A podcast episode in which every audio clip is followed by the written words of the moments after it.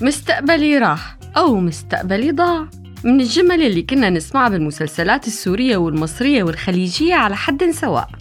وهي الجملة بيمشي حالها مع الشخصيات الشريرة والشخصيات الحبابة. وكانت هي الجملة تعقب حوادث بوقتها كنا نعتبرها دراميا حوادث شديدة السوء.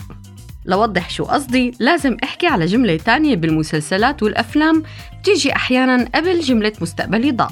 ويلي هي جملة ضحك علي أو خدعني. هلأ غالبية المستمعين رح يروح مخن لبعيد. بس القصة ما لها علاقة بال شو اسمه؟ لا هدول الجملتين ممكن يجوا مع كتير حالات درامية. فكروا فيها. هي الجملة ما بالضرورة تكون بمشهد بنت فلنفترض على سبيل التخيل عم تلعب ورنا أبيض وعم تبكي وتقول لرفيقتها المقربة ولنفترض جدلا إنها تولاي هارون وبتقول ضحك علي وضيع لي مستقبلي ممكن تكون هي الجملة مع شاب بريء تورط مع تاجر مخدرات.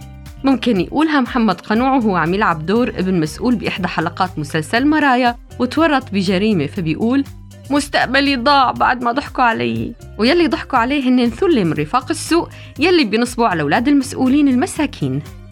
ممكن يقول هي جملة طالب بكالوريا بعدد من المسلسلات بتكون جملته مستقبلي ضاع مستقبلي راح.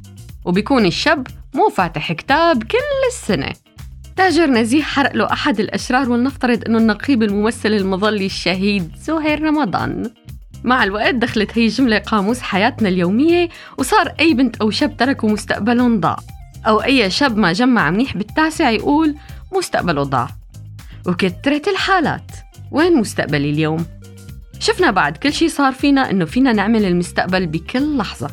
مع تعلم اللغة مع بداية جديدة مع قصة حب جديدة مع مهنة جديدة. الشي الغريب إنه اكتشفنا إنه المستقبل ما بيروح ما بيضيع.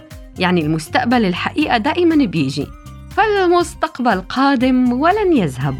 ولما بيذهب المستقبل فبيكون الحاضر أو المضارع. فعزيزي المستمع شد حيلك ولا تقول مستقبلك ضاع. في ناس راحت بيوتها وأولادها وبصمت ببلدان كانت فعلا ما مفكرة إنه فيها مستقبل. وعم يقدروا يبنوا مستقبلهم ويرجعوا يعيدوا البناء أكثر من مرة. هاي الفقرة ما توعوية ولا تبع تنمية بشرية.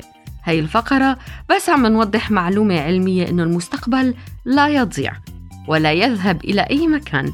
المستقبل رح يكون علميا وعمليا قدامك. كنت معكم أنا رئيفة بالمنقوشة.